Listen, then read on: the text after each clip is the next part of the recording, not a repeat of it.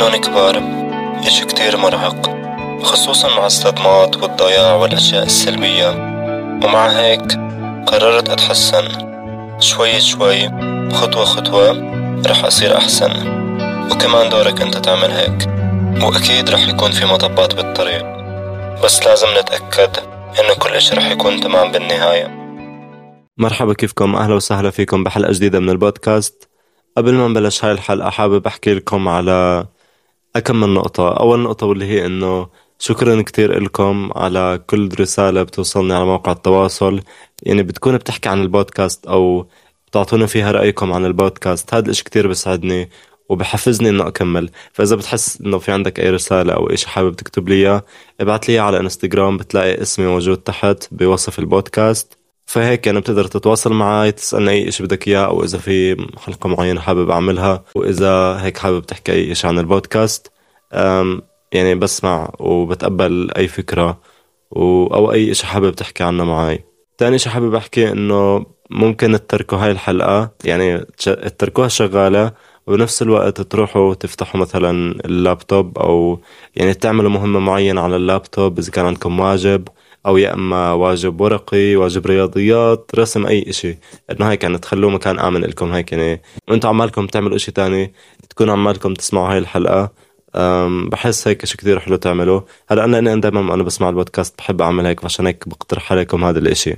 ثالث إشي وآخر إشي قبل ما نبلش هاي الحلقة حابب أحكي لكم إنه جيبوا أي إشي بتاكلوه تشربوه عشان تستمتعوا بهاي الحلقة. وهلأ خلينا نبلش هاي الحلقة. الحلقة تبعت اليوم رح تكون مع ضيف تاني. إذا متذكرين عملت عن حلقة الثقة بالنفس مع صديقي علاء. عملنا هاي الحلقة عن الثقة بالنفس. فحسيت إنه إجا تفاعل على هاي الحلقة وبنفس الوقت إنه كانت كتير مفيدة وكانت حلوة إنه نشوف أفكار ناس تانيين وتجربة ناس تانيين بإشي معين. فحبيت أرجع أعمل كمان حلقة ورح أعمل كمان حلقات مع ناس تانيين أو أصدقاء تانيين موجودين بحياتي. بالفترات الجاية إن شاء الله. فهاي الحلقة تبعت اليوم عملتها مع صديقي حمود. مرحبا حمود كيفك؟ حبيت أعمل هاي الحلقة معك اليوم. مرحبا حمزة. مرحبا يا جماعة. أنا اسمي محمد. بس بحب الكل ينادوني حمود فخلص يس يا جماعة أنا اسمي حمود.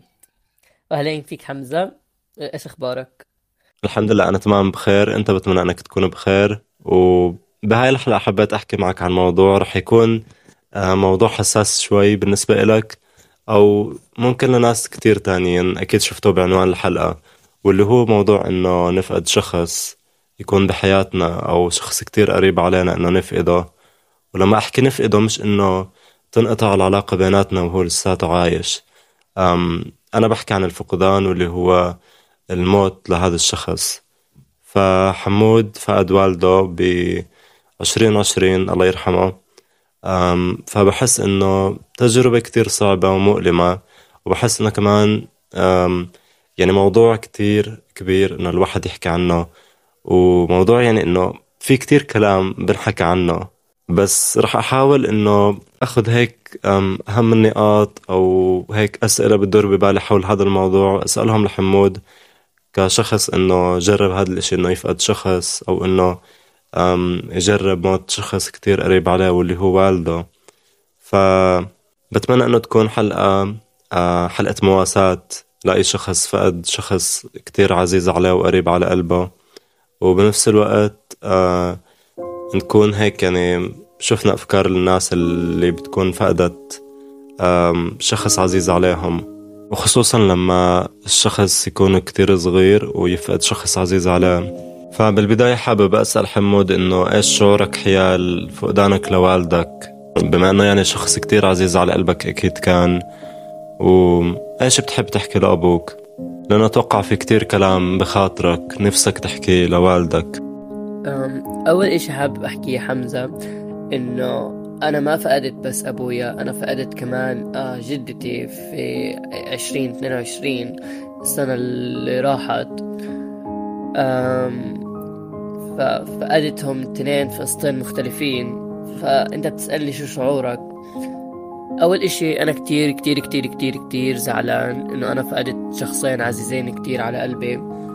وفي نفس الوقت مبسوط ومرتاح. رح تسألني حمزة إنه أوف حمود أنت مبسوط ومرتاح ليش؟ مع إنه أنت فائد أكتر شخصين عزيزين على قلبك زي ما بتحكي.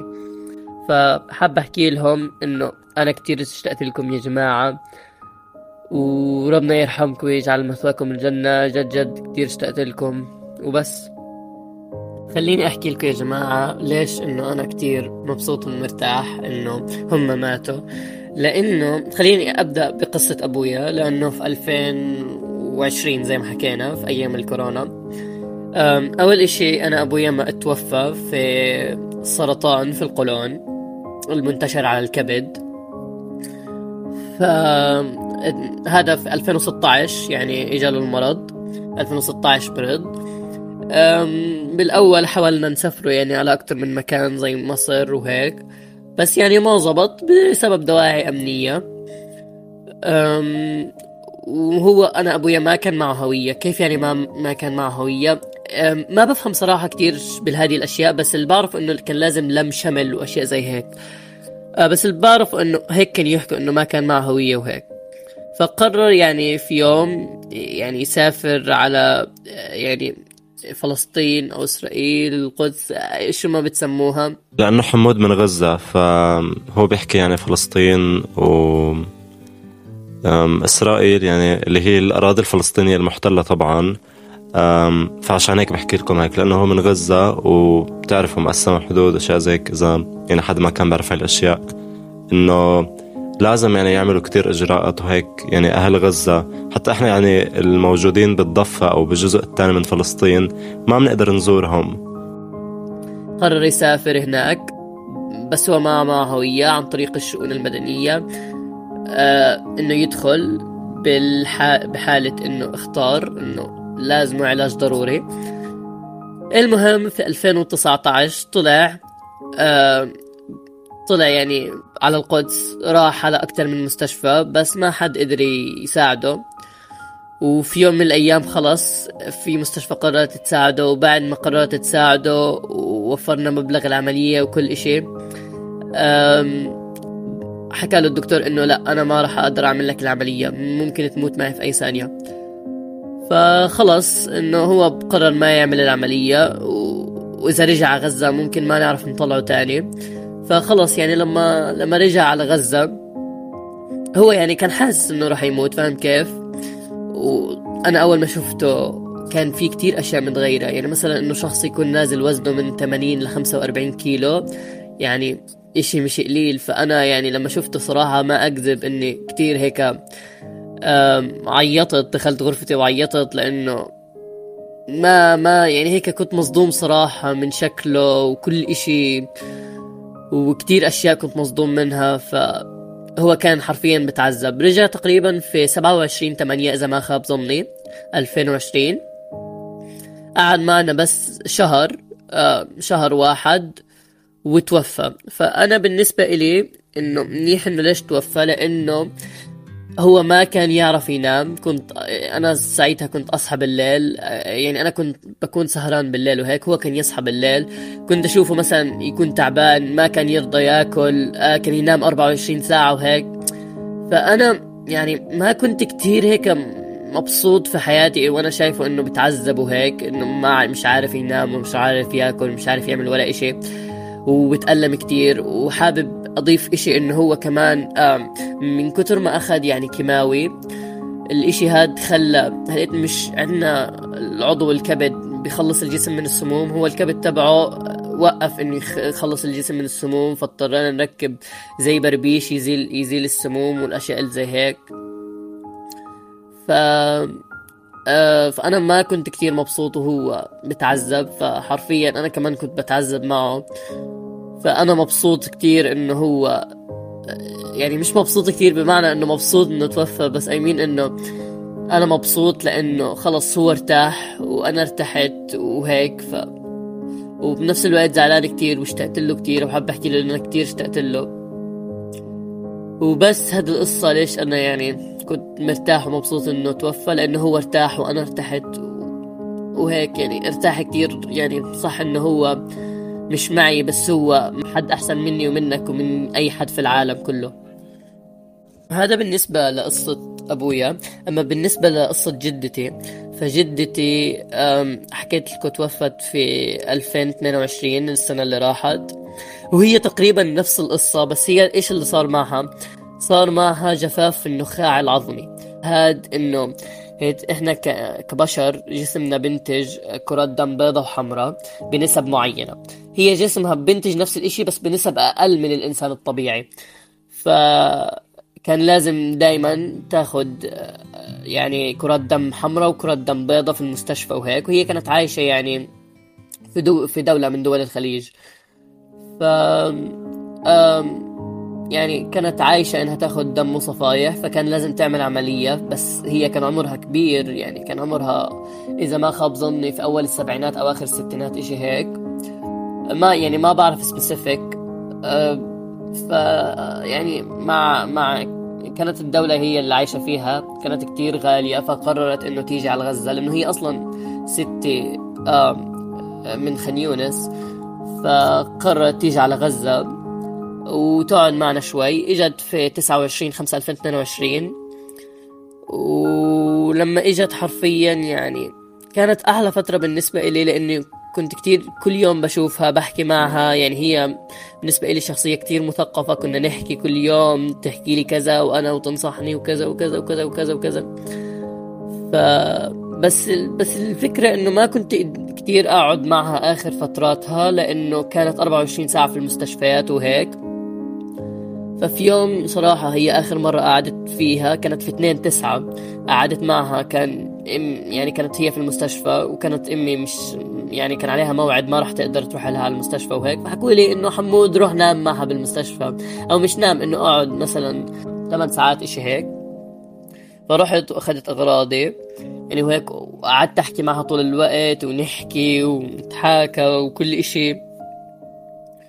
وكنا نتكلم كتير مع بعض. هذه تقريبا آخر مرة قعدت معها فيها. أو مش آخر مرة بس قصدي إنه قعدة طويلة ونحكي وزي هيك. هذه آخر مرة كانت في 2 تسعة في المستشفى. قعدت معها من الساعة 11 لحديت الساعة 6 المساء. إنه سبع ساعات قعدنا مع بعض نحكي وأشياء زي هيك. واكلنا مع بعض ونضحك وكل شيء. فهي توفت في 14 9 2022 آم، فيعني قبل قبل ما تتوفى بيومين هي إجت حكت لي يعني هي كانت حاسة. مش عارف كانت أمي بتكلم خالي فانه ستي حكت لي إنه خلص احكي لأمك ما تكلم خالك لأنه أنا كلها يومين وراح أروح. فأنا انه تيتا بكفي هبل ومش عارف شو مش عارف شو. بس جد هي راحت بعدها بيومين ف هيك يعني ما بعرف هيك بعد ما توفت وتذكرت اللي حكته يعني كتير صراحة أشعر بدني ما بعرف زعلت كتير. بس أنا مبسوط إنها توفت لأنه كانت تتعذب كتير كتير كتير كتير كتير كتير. ف بس. الله يرحمها ويجعل مثواها الجنة. هي وأبوك. وطبعا أكيد هم هلأ بمكان أحسن. فما في يعني أي داعي للشك. وأكيد ربنا يرحمهم. و يعني خفف عليهم ألم. و... والوجع اللي كان ممكن يعيشوه أكتر لو ضلوا عايشين. فحابب هلأ أسألك إنه بتندم على أوقات صارت مع والدك مثل إنه بتتمنى لو قضيت وقت أكتر معاه أو بتصير مثلا تتمنى يا ريت عملت هيك وعملت هيك؟ عشان ما أكذب عليك يا حمزة كتير كتير كتير كتير كتير ندمان. لأنه جدتي الله يرحمها قعدت يعني معها فترة من الوقت كنت واعي وفاهم وكل إشي. أما مع أبويا كان عمري 13 13 ونص إشي هيك. كنت داخل يعني ما بين ال 13 وال 14 كنت داخل على ال 14 فصراحة كتير كتير كتير كتير كتير ندمان إن أنا ما قعدت معه. حتى يعني قبل يومين قبل يومين بالضبط كنت يعني قاعد على الانستغرام فكنت بدي أشوف يعني صورة إلي أنا وأبويا هيك وأنزلها.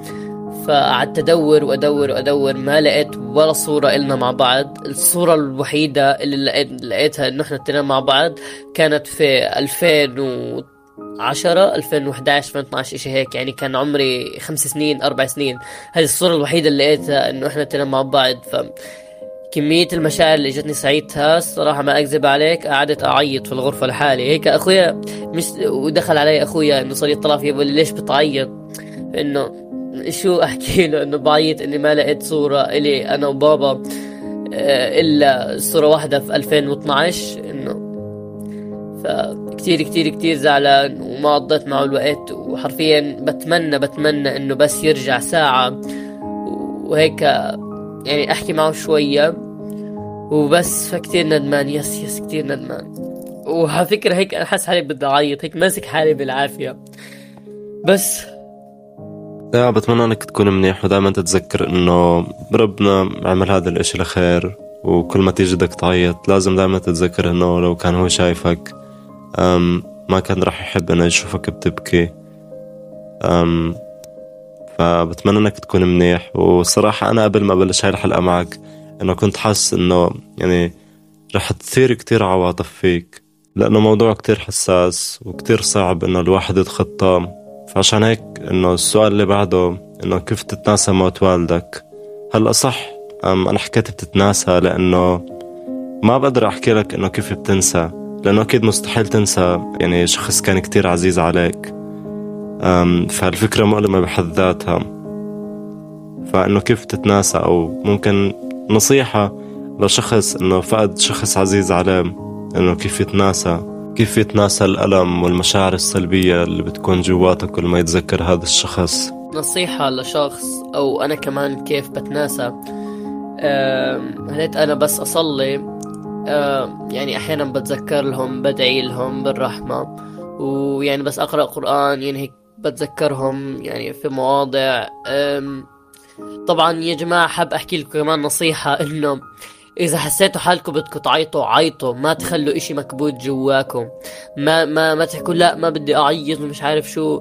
و يس عيطوا يعني طلعوا كل اللي جواكم. بس يعني أنتوا كمان ما يعني إنه هلقيت في مقولة بتحكي إنه إنه لما تعيط على الميت بتعذب بس هي المقولة هذه صح بس بس كيف صح؟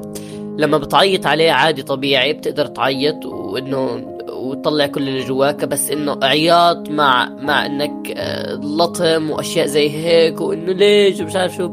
هيك هذا حرام يعتبر. أما إنك تعيط وتطلع اللي جواك مش غلط. ويس وأنا هيك لما بتذكرهم عادي بعيط بدعي لهم بالرحمة.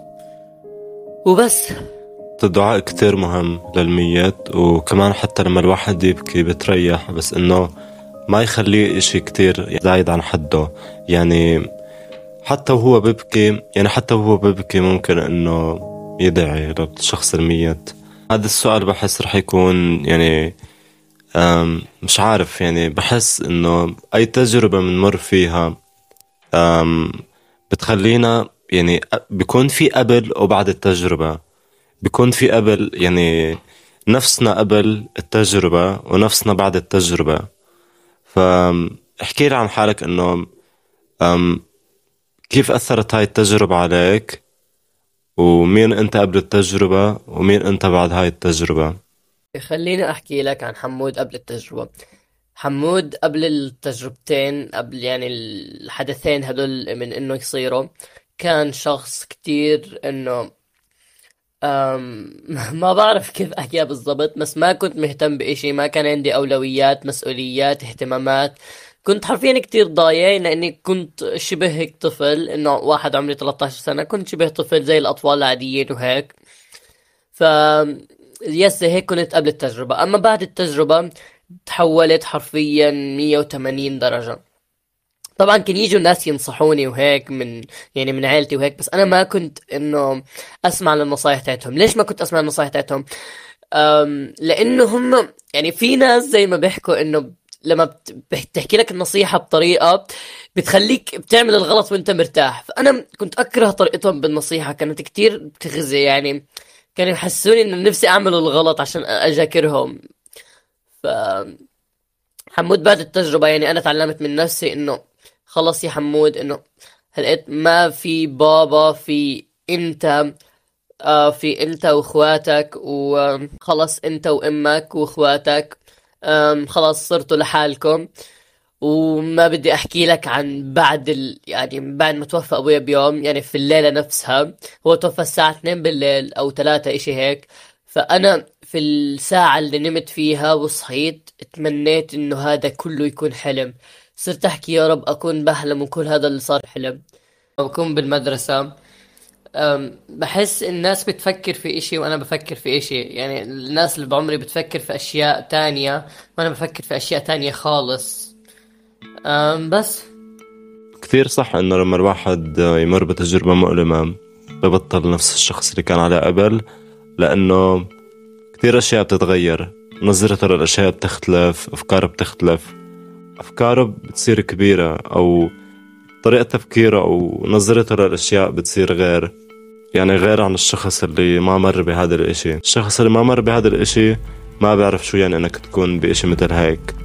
صراحة ما بعرف هاي الحلقة تطلع طويلة ولا قصيرة أو كيف بس إنه كتير ممتن إني عملت حلقة مثل هيك لأنه بحس موضوع كتير مهم وممكن ما بنحكى عنه كتير لأنه موضوع مؤلم. بس بالعادة بحس إنه أو بحس إنه بالغالب لازم نحكي عن هيك مواضيع لأنه كتير ناس بمروا فيهم أكيد. وكتير بتشكرك حمود. جد كتير بتشكرك لأنك أم يعني وافقت تعمل معي حلقة عن موضوع زي هيك إنه كتير عاطفي بالنسبة إلك. و بتمنى إنك هلأ أنت منيح أو عمالك بتتخطى. وزي ما حكيت لك ولو إنك ما بتنسى بس بتحاول تكون شخص أفضل. و بتحاول إنه تفكر بالإشي بطريقة منيحة. وشكرا كتير يا حمزة. أنا كمان كتير بتشكرك على إنه استضفتني. يعني كتير مبسوط وهيك كتير فضفضت. وبس والله يرحمهم يا رب ويجعل مثواهم الجنة. ويس أنا الحمد لله منيح. ويعني رح أحاول كمان أتخطى. وبس يعني شكرا كتير إن أنت استضفتني. وبتمنى يا جماعة تكون الحلقة عجبتكم. كان معكم حمود. بس شكرا لكم. مع السلامة. وبالآخر حابب أحكي لأي شخص إنه فقد شخص عزيز عليه. بتمنى إنك تتخطى ولو إنك ما رح تنسى بس صدقني حاول تذكر حالك دائما إنه بالنهاية هاد مصيرنا كلنا. يعني ما في حد بضل خالد للأبد. إنه ربنا اختار الخير لهذا الشخص. رغم حزنك وألمك فعليا أنت قوي. وهذا الشخص لو سامعك أكيد ما رح يحب يشوفك بهاي الحالة لأنه أكيد بحبك. ورح يتمنى لك حياة سعيدة يعني بدون حزن وألم. ولأي شخص وهم لسه الأشخاص العزيزين على قلوبهم لسه موجودة بتمنى أنكم تحسسوهم بقيمتهم وهم عايشين وتقضوا أوقات حلوة معهم وتقدروهم وتحبوهم لأنه مستحيل الواحد يعرف متى بتنتهي هاي القصة. وبتشكركم كتير لأنكم وصلتوا لنهاية هاي الحلقة بتمنى أنكم تكونوا مناح وتتخطوا آلامكم وبتمنى أنها كانت حلقة فيها بعض المواساة والأشياء المنيحة. فشكرا كتير للاستماع.